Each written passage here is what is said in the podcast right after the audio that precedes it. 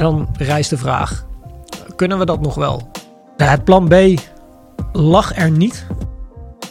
De horizon uh, dat we in 2027 fully operational capable moeten zijn als operationele staf. Panzerhouwitsers, uh, mortieren hebben zij niet. Die zitten uh, gecentraliseerd bij het OCL. Om de bevoorrading te voorzien maakt niet zoveel uit of je dat nu voor een 13e, 43e brigade doet dan wel voor een bataljon. Welkom bij mijn missie, de interviewserie van Landmacht FM. Ik ben kapitein Maarten Grendel. Zebra Sword begon op papier als een niveau 6 plus oefening, waarbij de gehele 13e en 43e brigade het tegen elkaar zouden opnemen in een scenario van een grootschalig hybride conflict. De oefening zou plaatsvinden op en rond oefenterrein Bergen-Honen in Duitsland.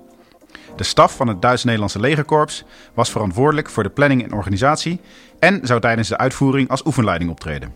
Dat was het plan. Maar waar geen enkel plan de startlijn overleeft, werd dit plan in de aanloop al vele malen bijgesteld. Waren de ambities te hoog? En waarom werd er op het laatste moment besloten om in Nederland te gaan oefenen, terwijl het oefenterrein in Duitsland al voor miljoenen afgehuurd was? Daarover praat ik vandaag met major René, eh, major René Lelyveld, die vanaf het prille begin in 2018 betrokken was bij de planning van de oefening. René, van harte welkom en bedankt dat je vandaag mijn gast wil zijn in deze podcast. Kun je om te beginnen even kort toelichten wat jouw functie precies is? Ja, Maarten, uh, dankjewel. Nou, mijn functie is uh, eigenlijk simpel gezegd, uh, ik ben een van de planners van het OCL, Operationeel Ondersteuningscommando Land. eigenlijk op hetzelfde niveau als de 13e en de 43e brigade. Um, en vanuit mijn rol formeel gezien projectofficier... Uh, bezig met uh, plannen en voorbereiden van uh, grote oefeningen zoals de Zebra-soort. maar ook kijken wij naar de stand-by missies zoals die door de hogere legerleiding aangemeld worden. Bijvoorbeeld de VJTF en dergelijke. De, dus eigenlijk de lange termijn planning, niet alleen voor deze oefening, maar ook voor andere grote oefeningen en zelfs eventuele inzetten. Ja, En dan zeker. met name van het operationeel ja. ondersteuningscommando Land. Wanneer begon Zebra-soort voor jou? Uh, voor mij is dat uh, in uh, december 2018 geweest. Dat is inmiddels alweer een flinke tijd geleden. Um, ik was toen um, een halfjaartje werkzaam bij het OCL. Ik ben toen eerst, toen ik net binnen was, uitgeleend aan de 3. om daar te ondersteunen vanwege personele problemen. Um, en eigenlijk per 1 januari zou ik toen overkomen naar de 5. En dit was het eerste project wat gelijk erbij was. En vanuit daar uh, met de toenmalige hoofd G5 meegeweest naar stafklas. Om eigenlijk de eerste oriënterende bespreking vanuit stafklas over de oefening Zebra-soort um, bij te wonen. Van uh, ja, wat is eigenlijk het idee en uh, welke kant gaan we op? Daar waren alle G5'en van alle brigades aanwezig. Inclusief uh, grote oefeningen van stafklas. Daar mocht ik toch, toen nog als backbencher bij aanwezig zijn. kijken welke kant we op gingen. Waar ja. komt de, de oefening vandaan? En wat willen we hier eigenlijk met z'n allen? Ja, ik zei al, het begon als een, een, een oefening van meerdere brigades, een grootschalig gevechtsoptreden. Ja. Hoe zagen de oorspronkelijke oefendoelstellingen eruit? Nou ja, eigenlijk wat je, wat je zegt, hè, we moeten weer terug naar het uh, artikel 5, grootschalige gevecht. Dus eigenlijk uh, was de doelstelling in grote lijnen, uh, de brigades moeten weer gaan doen waar ze eigenlijk voor op aard zijn. En dat is vechten. en voor ons is het dan het ondersteunen, combat service support en combat support. Dus het ondersteunen van de gevechtsbrigades met de ketens zoals wij die hebben binnen het OCL. Um, ja, dus die doelstellingen zijn eigenlijk vanaf het begin af aan ambitieus weggezet. Ja, de oefening heet Zebra Sword. Um, ik heb er niet echt beeld bij. Waar komt die naam überhaupt vandaan? Ja, de naam komt eigenlijk bij 1GNC vandaan. Uh, die zitten natuurlijk in hun eigen ritmiek vanuit uh, Shape. Um, nou, het zwaard. Voor de mensen die het embleem van 1GNC kennen, komt het zwaard uh, weer terug. Dus daar komt het zwaard in ieder geval vandaan. Um, en de bepaalde ritmiek geeft, die wordt gebruikt om een bepaalde oefening aan te duiden. Dat is in dit geval een grootschalige FTX, Field Training Exercise, met, met dierennamen. En dan wordt dat alfabetisch afge, um, afgewerkt. En we zitten op dit moment bij de, bij de zebra. En ik moet eerlijk bekennen waarom ze precies een zebra gekozen hebben. En geen andere dier met een Z durf ik niet te zeggen. Maar ja, deze oefening kregen wij zo aangeboden. En toen had hij de naam al zebrasoort. en dat is zo blijven hangen. Uh, ja. Dus ja, de, de, de, het dier komt dan vanuit de ritmiek van 1GNC en het zwaard is uit het logo. Ja. Vandaar zebrasoort. Want de Amerikanen en Britten die geven vaak uh, een hele stoere uh, naam aan een oefening. Of, of gewoon een hele logische naam. Ik vind zebrasoort ja. niet stoer genoeg. Nee, nou ja. ja een zebra is natuurlijk wel een, uh, een koppig dier. Ik weet niet of dat ja. ook ergens terugkomt, maar... Want de, ik heb ooit gehoord de reden dat, uh, ja, dat, dat Afrika wat meer moeite had met ontwikkeling, landbouw en dat soort dingen, is omdat zebra's zich niet laten temmen en paarden wel. Dus wij hadden eigenlijk gewoon mazzel met de dieren die op ons continent rondliepen. Dus dat, dat is de associatie is, die ik heb met de zebra. Weer, dat is nieuw voor mij. maar nee, ik weet niet precies. Ik, de, de volgende is alligator soort uh, vanuit 1 GNC die eraan zit te komen. Dus ja, dus ik weet het verder ook niet. Ja, het grootschalig gevecht, uh, meerdere brigades. Welke brigades zouden er oorspronkelijk tegen elkaar gaan vechten? Waren dat 13 en 43? Heb ik dat goed gezien? Ja, dat heb je inderdaad goed gezien. Uh, nou ja, de oefening, wat je in de intro ook aangaf, was een oefening vanuit 1 GNC. Die eigenlijk door de toenmalige commandant 1 GNC, luitenant-generaal Michel van der Laan, als platform is aangeboden aan de landmacht om daar niveau 6 plus te gaan oefenen. Waarbij er in het allereerste prille begin nog drie PTA's waren, de Primary Training Audience, de beide brigades 13 en 43, maar ook het OCL. Dus ja, dat was het, het plan. Ja, want de meeste eenheden binnen OCL zijn geen gevechtseenheden, maar gevechtssteun en logistiek. Ja. Ja, alle, we hebben geen gevechtseenheden. Dus wat was de rol van OCL in dat uh, hele grote plan? Uh, nou ja, binnen de brigades uh, zijn er een aantal capaciteiten die zij niet hebben. Ehm, bijvoorbeeld uh, vuursteuncapaciteit. Panzerhouwitsers, mortieren hebben zij niet. Die zitten gecentraliseerd bij het OCL. ook uh, Intel-capaciteiten van, uh, van het Joint ISTAR Commando. Uh, maar ook logistiek, zoals bevoorrading en transport. En, en een groot deel van de medische capaciteiten. Die, die, ja, die vind je alleen maar bij het OCL. Dus ja, ons, ons doel was het inrichten van de ondersteunende ketens. Zodat de brigades hun taak kunnen uitvoeren. Ja, en, en in hoeverre is dat anders als je dat voor één of meerdere brigades moet doen... dan voor een kleine eenheid, wat ja, natuurlijk wel regelmatig gebeurt? Nou, in principe is het alleen maar schaalvergroting. Uh, de taak van een, bijvoorbeeld een BNT-eenheid om uh, de bevoorrading te voorzien... maakt niet zoveel uit of je dat nu voor een 13e, 43e brigade doet... dan wel voor een bataljon. Alleen ja, hoe meer mensen er in het voorterrein zitten... hoe meer spullen je ook die kant op moet uh, brengen. Hoe meer eten en hoe meer reserve delen. dus ja, het gaat met name om schaalvergroting die je dan gaat doen. en zeker ja, als er meerdere brigades te velden zijn. Ook de BNT heeft maar een beperkte capaciteit. Ja, hoe ga je die capaciteit inzetten? Um, en het was in het allerprilste begin ook nog sprake van een doelstelling van... oké, we moeten ook een keer kijken waar onze hiaten zitten... zodat we in de toekomst daaraan kunnen werken. Dus dat was ook een beetje... stel dat we twee brigades moeten ondersteunen vanuit het OCL... kunnen we dat? En waar zitten dan eventuele hiaten die, uh, die we hebben? Ja, en, en, wat was de verwachting vooraf? Dat, dat het allemaal makkelijk zou gaan lukken? Of was dat iets nou, toch iets minder positief? Ja, nou, minder positief wil ik het niet noemen. Maar het was, uh, wat ik daar straks al zei, de doelstellingen waren ambitieus. Um, en uh, ja, twee jaar van tevoren ben je nog niet in de detailplanning bezig. Uh, maar puur aan het kijken van hoe kunnen we het inrichten en wat willen we eigenlijk tegen die tijd. Dus ja, dat het ambitieus was, dat wisten we vrij snel. maar aan de andere kant, er is niks mis met ambitie. Dus dat wil niet zeggen dat we daar niet, daarom niet toch er vol voor gaan om het te realiseren. Nee, precies. En de enige manier om te kijken of je iets kan, is door het te, eh, te proberen. Ja. Dat is ook zo. Ja, nou, op papier is het vaak snel geregeld, maar in de praktijk uh, kost het iets meer tijd. Ja. Ja, en nog even heel terug naar de aanleiding. Je had het erover dat we weer moeten leren vechten. Dat we weer uh, ons voor moeten bereiden op een grootschalig gevecht. Um, waarom is dat? En uh, waarom deden we dat daarvoor nog niet? Dat zijn eigenlijk twee vragen. Maar... Nou ja, goed. Eh, vooropgesteld, uh, mijn niveau is natuurlijk uitvoerend niveau. Um, dus ik wil ook me niet te veel op dat soort vragen ingaan. Maar uiteindelijk, de kennis van onze organisatie is de laatste jaren met name geënt op stabilisatieoperaties. maar met de dreiging uit het oosten hebben we gemerkt um, dat we relatief weinig tijd besteed hebben, om het zo maar te zeggen, aan het grootschalige gevecht. En dan rijst de vraag: kunnen we dat nog wel? En hoe gaan we dat doen? Ook omdat onze organisatie voor een heel groot deel is ingericht op stabilisatieoperaties en niet op een artikel 5 uh, eh, optreden. Ja, want artikel 5 voor eh, de, de, de niet-militair ingewijden, uh, dat is de collectieve verdediging van de NAVO. Zou je die even heel kort toe willen lichten dan? artikel 5 is de, het artikel om de grenzen van onze bondgenoten te kunnen verdedigen. Dus eigenlijk komt het erop neer, is uh, ja, uh, de oorlog. kunnen we nog de oorlog gaan voeren? En tegenwoordig hebben we het dan met name over het, over het hybride conflict. daar waar vroeger een duidelijke scheidslijn was tussen aanval en verdediging...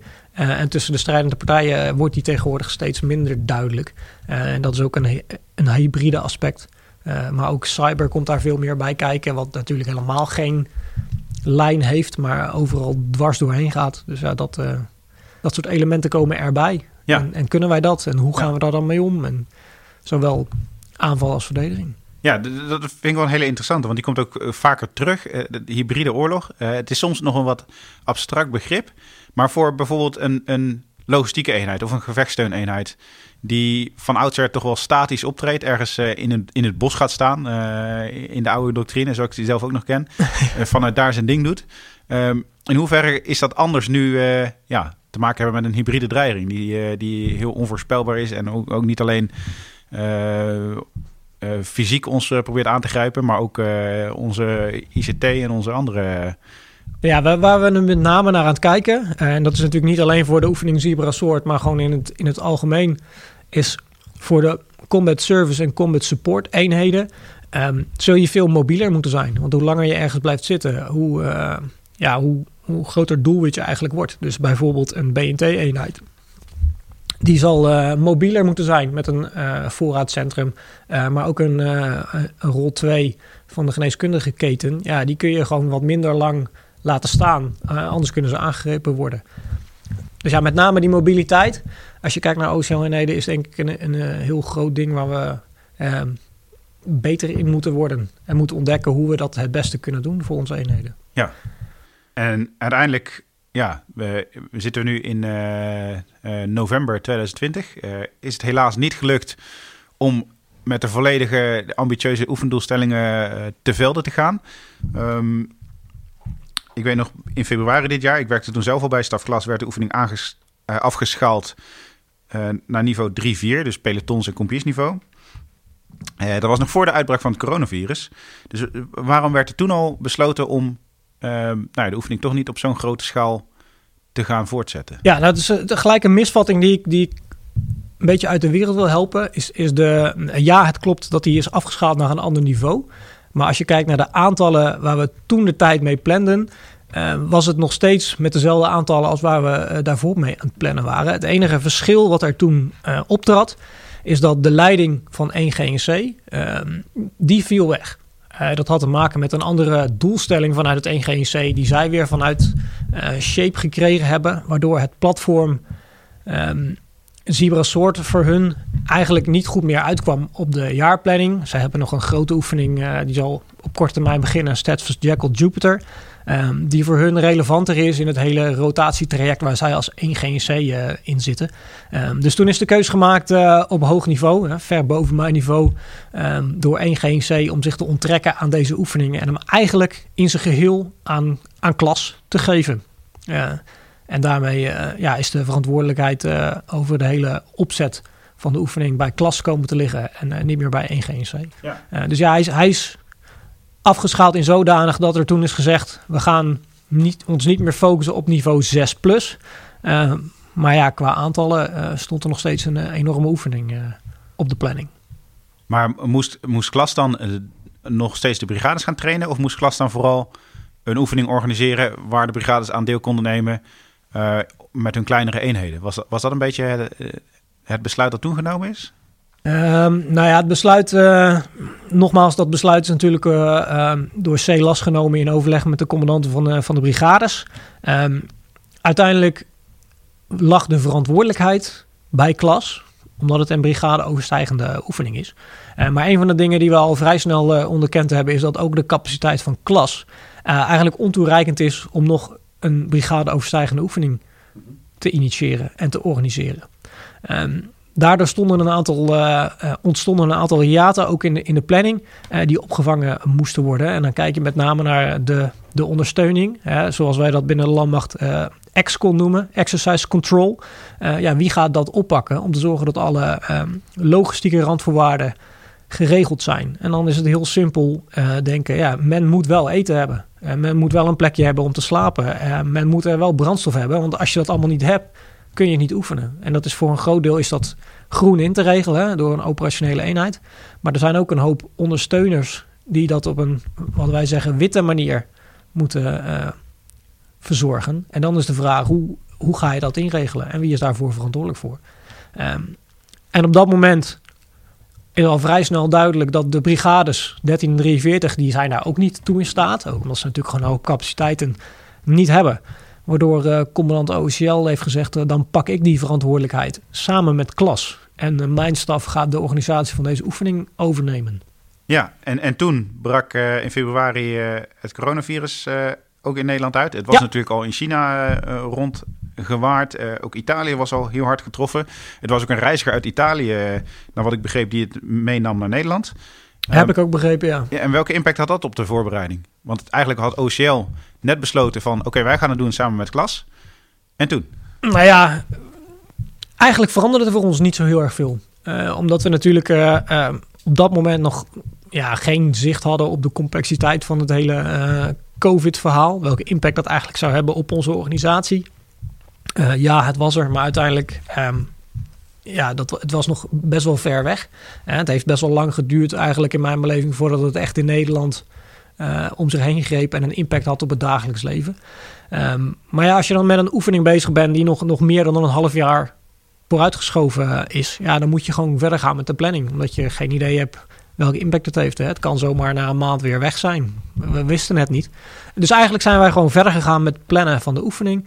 Um, zoals we dat altijd gedaan hebben. Uh, oefening plannen naar Bergen-Honen, het groot oefengebied uh, in Duitsland. Um, het enige waar wij al, al vroeg rekening mee hebben gehouden. Um, we hebben een aantal verkenningen uitgevoerd om gewoon fysiek op locatie te gaan kijken waar, uh, welke mogelijkheden er zijn. ook omdat we niet alleen in het oefengebied Bergen-Honen gingen oefenen, maar ook in een, uh, de omgeving van uh, de kazerne in Senna lagen. Uh, een aantal Duitse kazernes in bijvoorbeeld Nienburg zouden we ook gebruiken, um, waar we niet zo bekend waren. Dus ja, we moesten daar wel gaan kijken.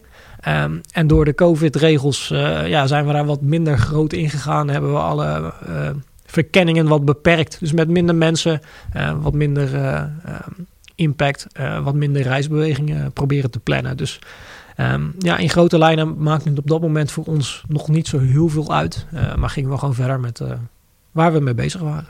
Ja, en hadden jullie uh, zelf nog last van het coronavirus? Waren jullie personeel kwijt aan inzet bijvoorbeeld in ziekenhuizen of andere ondersteuningen? Nou, in zoverre hebben wij daar last van gehad dat vanuit de, de medische keten zijn er zeker mensen ingezet. Alleen toen voor de planning hebben we daar geen last van gehad. Um, het enige is wat bij ons met name naar voren is gekomen, is dat normaal gesproken ben ik als planner, kijk ik ver vooruit en draag ik het over het al, draag ik het op enig moment over aan de drie. Uh, dat is bij ons degene die de dagelijkse gang van zaken, de current beheersen.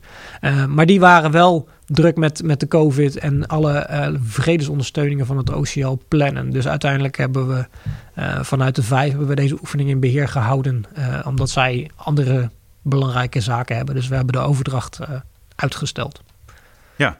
ja, en had het, had het nog uh, gevolgen voor je normale taak? Want normaal gesproken, zei je al, je kijkt uh, meerdere jaren vooruit. Dat, dat kon u niet omdat je vol in de planning van deze oefening zat. Ik moet zeggen dat dat is beperkt geweest.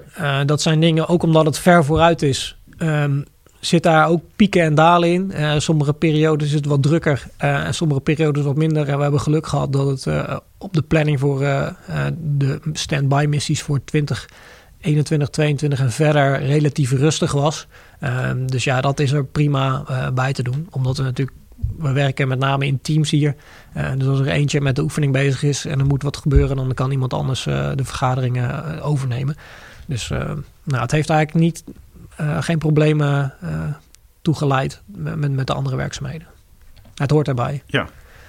Ja, en dat is ook een beetje de flexibiliteit die je als militair moet hebben misschien. Ja, nou ja, ook dat. En um, weet je, het is wat ik zeg, het is pieken en dalen. Um, wij hebben informatie nodig, zowel van het hoge niveau als van het lage niveau. En als je vragen uitzet, moet je eenheden ook de tijd geven om te kunnen reageren en te kunnen uitzoeken. Dus ja, dan ben je toch weer een week, twee weken verder, waar je even weer uh, naar adem kan happen uh, voordat je weer verder gaat. En dat is de juiste periode. Dan kun je ook weer even uh, aandacht aan andere dingen geven. Ja.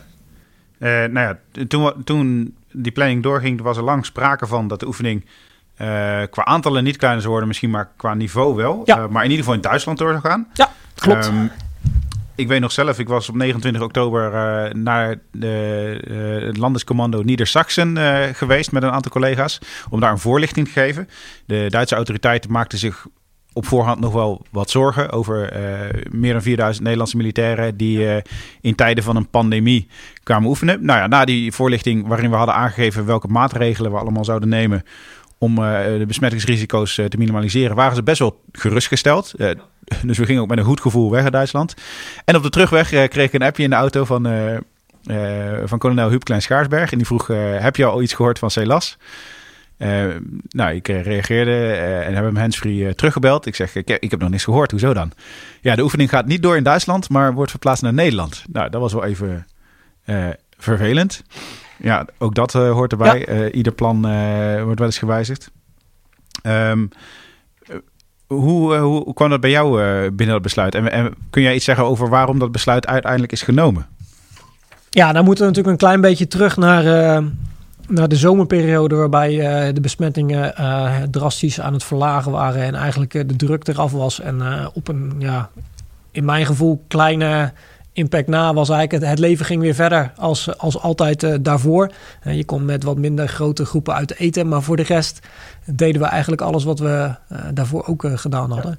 Um, ja, en dan blijf je gewoon plannen op wat je eigenlijk wil. En we wilden heel graag naar Duitsland, omdat we daar een aantal aspecten gingen beoefenen, zoals een, een grote wegverplaatsing vanuit Sennalagen naar Bergen-Honen. Uh, voor de beeldvorming, dat is ongeveer 180 kilometer uh, verplaatsen. Uh, nou ja, als je rekent tot van 30 tot 40 kilometer per uur. En dan ben je toch al gauw, inclusief rust, 5 à 6 uur onderweg met een militaire konvooi. Dus ja, dat zijn best grote verplaatsingen die ook ondersteund moeten worden. Um, dus ja, wij zijn eigenlijk gewoon verder gegaan met de planning. Uiteraard hebben we uh, alle ontwikkelingen nauwlettend in de gaten gehouden. Maar daar hadden we inderdaad, uh, wat je al aangaf, de kolonel Huub Klein-Schaarsbergen voor op stafniveau bij klas. Uh, die dat voor ons monitorde en ons op de hoogte hield. Dus ja, wij zaten eigenlijk continu in de loop van welke kant zou het op kunnen gaan. Ja, er was gewoon heel veel aangelegen om hem toch in Duitsland uit te voeren. Omdat de middelen en mogelijkheden die we daar hebben, die hebben we in Nederland gewoon niet. Naast het feit is dat er ook een aantal verplichtingen waren aangegaan met bijvoorbeeld een tentenbouwer om op locatie tenten uh, te bouwen. Omdat we vanwege COVID natuurlijk wel beperkt waren in de hoeveelheid legering, legeringscapaciteit die we daar hadden. Um, dus ja, we waren eigenlijk op twee sporen aan het plannen. Hoe kunnen we hem eh, in Duitsland door laten gaan? Maar eventueel ook van wat is het alternatief? Maar ja, onze uh, commandant van commandant OCL uh, was er veel aangelegen om de oefening door te laten gaan. Daar heeft hij ook hard voor gevochten. Mm -hmm. Het is hem ook gelukt. Ja. Uh, en aan de andere kant van het verhaal is natuurlijk, je kunt maar één keer ermee stoppen. Um, dus op het moment dat die keuze gemaakt is, kun je niet een maand laten zeggen, oh het valt mee, dus we gaan alsnog naar Duitsland. Ja. Als je eenmaal zegt, we stoppen ermee, of we gaan het aanpassen, ja, dan kun je niet meer terug. Dus dan is het heel logisch dat die beslissing zo lang mogelijk wordt uitgesteld. We hebben uiteraard goed nagedacht over hoe we het zo veilig mogelijk konden uitvoeren. Uh, daarmee moet je ook rekening mee houden dat we natuurlijk een bijzondere organisatie zijn. Uh, we zijn een gevechtsorganisatie. En dan, ja, als, het, uh, als wij in, tijden van crisis niet door kunnen gaan of daar niet goed over nagedacht hebben, ja, wat, is dan voor onze organisatie de meerwaarde? Um, maar dat moet wel veilig, want ook wij moeten goed voor onze mensen zorgen en daar op een verantwoorde manier mee om te gaan. Los van alle geruchten die in de tijd ook natuurlijk dagelijks uh, heen en weer gingen.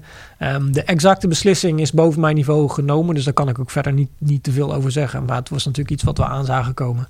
Um, dus ja, het was gewoon, uh, oké, okay, de beslissing is nu genomen. Uh, schakelen en we gaan weer verder. Ja, ja uiteindelijk heeft Celas het besluit genomen. Ja. Ik heb dat in de podcast met hem ook gevraagd.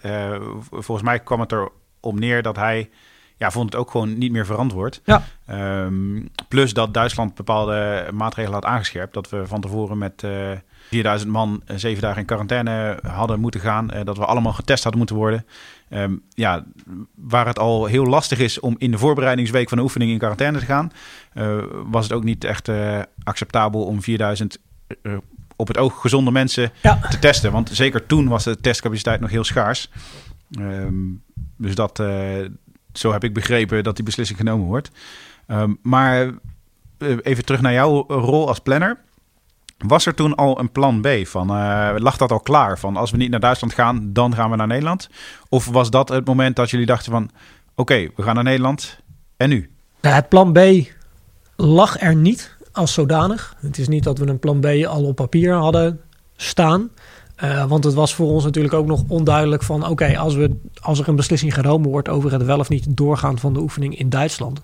wou dat niet automatisch zeggen dat de oefening dan bijvoorbeeld in Nederland zou zijn. er waren allerlei opties uh, tussen het afschalen... Uh, op een andere locatie, maar ook het helemaal annuleren van de oefening... is natuurlijk altijd een optie. Uh, en, en dat zijn afwegingen die dan CELAS in overleg met zijn ondercommandanten neemt. Maar omdat we ook niet wisten welke kant we op gingen, uh, ja, is het heel moeilijk daar een plan B op te maken. Um, dus ja, dat, natuurlijk wordt daarover nagedacht en wordt daarover gesproken. Maar op dat moment hadden we nog niks op papier staan voor een plan B. Um, maar aan de andere kant, hè, dat is ook ons werk. snel schakelen. toen de beslissing kwam, oké, we gaan niet naar Duitsland, maar we gaan hem in Nederland doen ja, dan gaan we gewoon even snel aan het werk om in Nederland een plan te maken. Ja, dan was het eigenlijk ja, terug naar de tekentafel. Uh, vergeet alles wat je hiervoor gedaan hebt. Uh, en begin opnieuw met plannen, of hoe ging dat? Nou, dat viel heel erg mee. Um, het grappige daarvan is de doelstellingen die wij als OCL hebben gehad, is het trainen van onze ketens. Die kon gewoon overeind blijven. de ketens kun je ook gewoon in Nederland faciliteren. Afhankelijk alleen welke locaties je gaat hebben. Omloopafstanden van bevoren en transport, ja, die kun je in het ergste geval ook simuleren. Je kunt ook zes rondjes om bijvoorbeeld de vlasakkers rijden... om te zorgen dat een chauffeur wat langer onderweg is. Is niet ideaal, maar zo kun je wel een beetje spelen met de mogelijkheden die je hebt. Uh, dus afhankelijk van welke beschikbare locaties er in Nederland waren... ja, moesten we gewoon kijken hoe we daar de oefening onder laten plaatsvinden. Um, en dat is ook eh, ja, in overleg met de andere brigades uh, gebeurd. Uh, de ene brigade was daar al wat verder in als de andere. Ehm, maar dat is een interne proces wat bij de brigades gespeeld heeft. wij zijn gewoon snel gaan kijken naar welke oefenterreinen zijn er beschikbaar in Nederland. Waar kunnen we eenheden kwijt? Wat zijn de behoeftes van de eenheden? en op die manier zijn we gewoon een, een plan B gaan maken. Ja, ja ik, ik zei trouwens net 29 oktober, maar het was 29 september natuurlijk. Ehm, je vergeven. Dat was, eind september. En er was nog minder dan een maand tijd eigenlijk om alles opnieuw te plannen. Nou, hadden jullie het zweet op je rug staan of viel het mee die, die dagen daarna? Um, het, in mijn beleving viel het mee. Um, uiteindelijk zijn er ook mensen die zijn daar wat drukker mee geweest als ik. Um, maar wat ik zeg, het, het plan zoals het er lag, kon in grote lijnen gewoon overeind blijven. De ketens zoals wij ze gepland hadden voor onze eenheden, die konden nog steeds uitgevoerd worden. Alleen de locatie moest veranderd worden. Dus ja, uiteindelijk viel het wel mee. Het was alleen even puzzelen met hoe gaan we de eenheden uh, wegzetten. Welke locaties zijn er beschikbaar uh, en, en, waar gaan ze uh, uiteindelijk oefenen. Ja, ja en, en konden jullie alles kwijt? ja, in Duitsland zouden we weliswaar verspreid, maar eigenlijk op één heel groot oefenterrein, of eigenlijk twee grote oefenterreinen, uh, alles gaan ontplooien. En vanaf daar de oefening gaan draaien, met een klein beetje ook buiten het oefenterrein, met de verkenningseenheden en wat andere elementen. Um, ja, in Nederland had je gewoon geografisch gezien ja. ook wat minder ruimte. er zijn wel een hoop oefenterreinen in Nederland, maar dat zijn allemaal kleine vlekjes op de kaart. Um, hoe hebben jullie dat gedaan? Hebben jullie gewoon gekeken wat er kon en gewoon gezegd van hier gaan we die ene neerzetten en hier gaan we die ene neerzetten? Of hoe moet ik me dat voor, voor me zien? Nou ja, uiteindelijk uh, is dat natuurlijk gewoon een, een, samenspel van diverse functionarissen. Waar ik daar straks al even aan refereerde. Uh, ik werk bij de vijf, uh, bij, de, bij de afdeling planning. En we mhm. hebben een, eh, de drie die eh, de lopende zaken behartigt.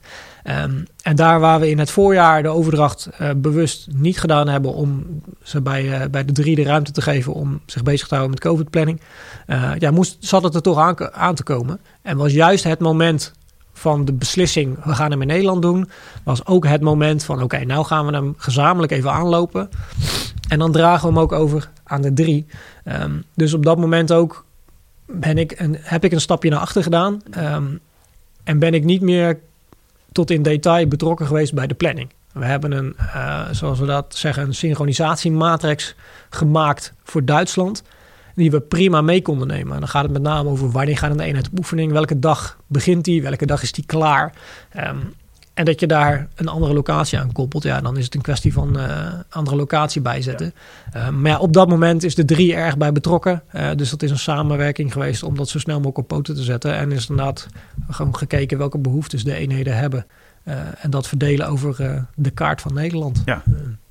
En, en, konden er bepaalde dingen die in Duitsland op de planning stonden, konden die ook niet? je had het over een grote wegverplaatsing. Ik weet dat er een, eh, een brugslagoperatie eh, in het oorspronkelijke plan zat.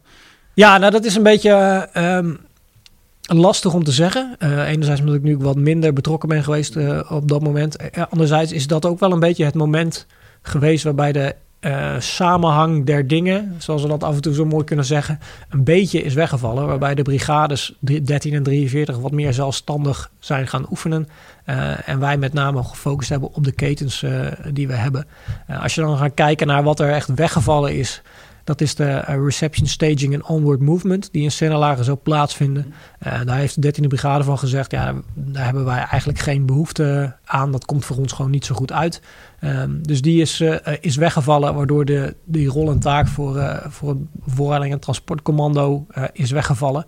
Um, Wegverplaatsing is wel volgens mij voor een groot deel uitgevoerd. Uh, maar dan is met name vanaf de vredeslocatie van, uh, van de 13e brigade naar het oefengebied.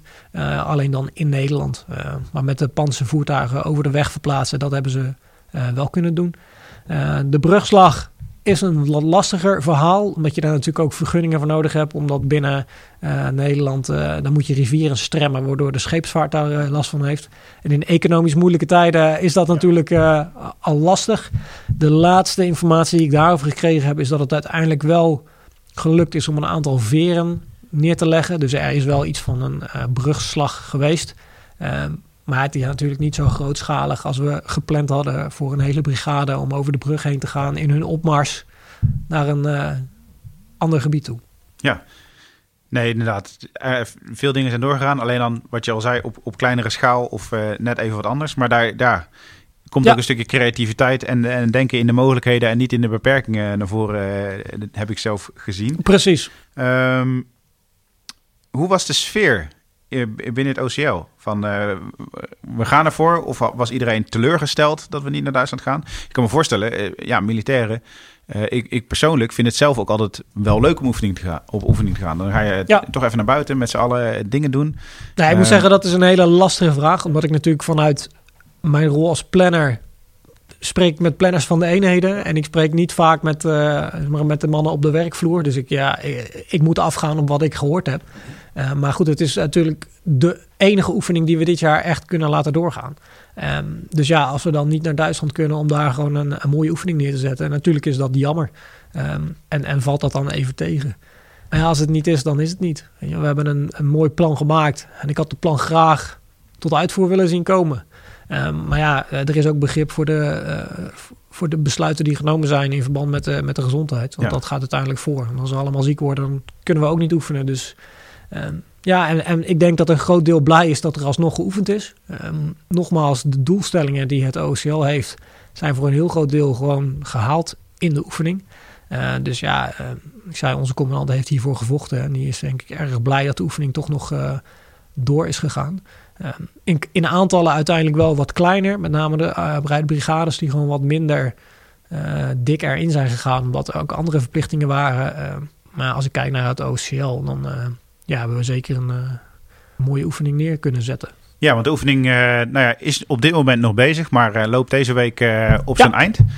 Um, heb jij zelf wat meegekregen van de uitvoering? Of ben je alweer druk bezig met, met andere plannen? Je had het net al over dat je al minimaal één, soms wel twee jaar vooruit kijkt in jouw functie. Ja. Um, heb je überhaupt nog iets meegekregen van de oefening zelf? Nou, ik heb er uiteraard, uiteraard wel wat van meegekregen. We blijven natuurlijk wel uh, in geïnteresseerd. Mijn rol is, uh, is, is weggevallen in de oefening. Dus ik ben niet zelf meer actief erbij betrokken. Uh, maar wel gewoon contact met de planners van de eenheden. want ook als je dan plant voor toekomstige jaren... komt het gesprek altijd wel even op Zebra soort en hoe loopt het nu. wat ik ervan meegekregen heb... zijn er weinig incidenten geweest binnen de oefening. En ik ben zelf bij een aantal eenheden wezen kijken. Uh, bij Jistark, bij de EOD, ja, die zijn gewoon lekker bezig met oefenen. En die halen daar voor zichzelf gewoon, gewoon heel veel uit. Dus volgens mij is de oefening goed verlopen. binnen de mogelijkheden die we nog nog hadden. Ehm, de laatste grote oefeningen van de landmacht, dat waren Bison Drasko in Polen in 2017, uh, Trident Juncture in Noorwegen in 2018. In 2019 uh, is er bij mijn weten geen grote landmachtoefening georganiseerd. Um, gaan we de komende tijd eerder van dit soort oefeningen zien? Of, of zijn er al andere grote oefeningen op de planning? Uh, Jazeker. Um, waar we in het begin al aan gerefereerd hadden, is, is het artikel 5 optreden. Dat dat een beetje weggezakt is door alle stabilisatieoperaties die we de laatste uh, jaren gedaan hebben. Um, dus de wens om wat meer richting die artikel 5 te gaan, die is er zeker.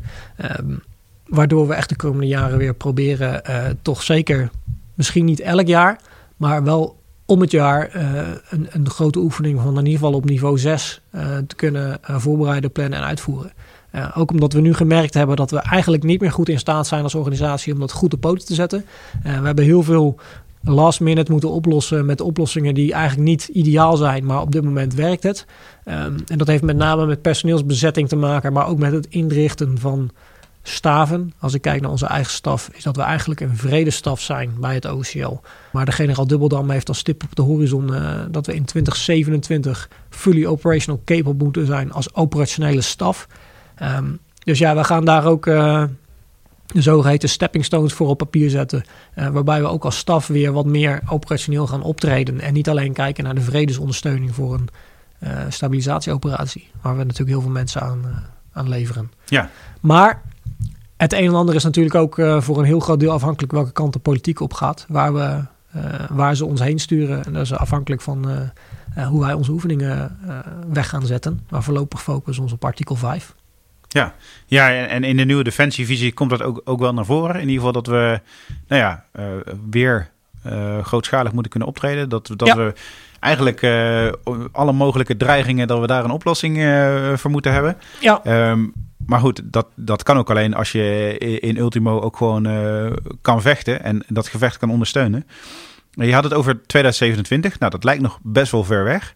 En ja. je had het over het OCL dat uh, de transitie moet maken naar een wat meer operationele staf. Um, kun je uitleggen waarom OCL nu geen operationele staf is en wat er voor nodig is om dat wel te worden? Dan maken we gelijk een mooi doorstapje naar de toekomst. Nou ja, dat is een lastige vraag om uh, te beantwoorden. Um, dat is ook omdat we onszelf aan het herontdekken zijn. Uh, wat moet het OCL kennen en kunnen? er zijn heel veel ontwikkelingen gaande ook bij eenheden. Van welke capaciteiten ze wel en niet moeten hebben. En hoe die capaciteiten ingezet moeten worden. Um, het opnieuw opzetten van de ketens. Als ik bijvoorbeeld kijk naar de geneeskundige keten. die nu nog beperkt ingezet kan worden. dat is ook een van de aspecten van het oprichten van een medisch commando. die we op dit moment nog niet hebben. Om de hele ketenregie uh, op te pakken. Dus het is, het is lastig om te zeggen welke stappen we allemaal moeten nemen. Dat is ook uh, echt iets wat op commandantenniveau bepaald moet worden. En ik als planner voer gewoon uit. ik krijg gewoon een, een, oefening op het jaarplan. gij zult voorbereiden en uitvoeren. Dus dat is lastig om nu voor mij antwoord op te geven okay. op mijn niveau. Ja. En je had het over personele tekorten. Is dat ook de belangrijkste randvoorwaarde? meer en, goed gekwalificeerd personeel, is dat... Nou, het is een belangrijke randvoorwaarde. Je kunt het een nooit loszien van het ander. Uh, als je de mensen niet hebt, kun je ook de eenheden niet inzetten zoals je ze graag zou willen. Want die, staan er, die mensen staan er niet voor niks op papier bij, dus die heb je nodig. en als ze er niet zijn, maar als je de mensen wel hebt, maar geen goed plan of geen overkoepelende visie, ja, dan wordt het ook lastig. Dus het is altijd een samenhang. je kunt het een niet loszien van het ander. Onwijs bedankt voor het luisteren. Mijn gast vandaag was major René Lelyveld. Ben je fan van de show? Help ons door een review achter te laten op Apple Podcasts of Stitcher. En raad deze podcast aan bij vrienden, familie en collega's. En als er nou een onderwerp is waarvan je vindt dat wij dat moeten behandelen, tweet dan met hashtag Mijn Missie of stuur ons een bericht op Facebook of Instagram. Mijn Missie is een productie van de Koninklijke Landmacht. Nieuwe afleveringen komen regelmatig op maandagochtend online. Abonneer je en mis geen enkele aflevering.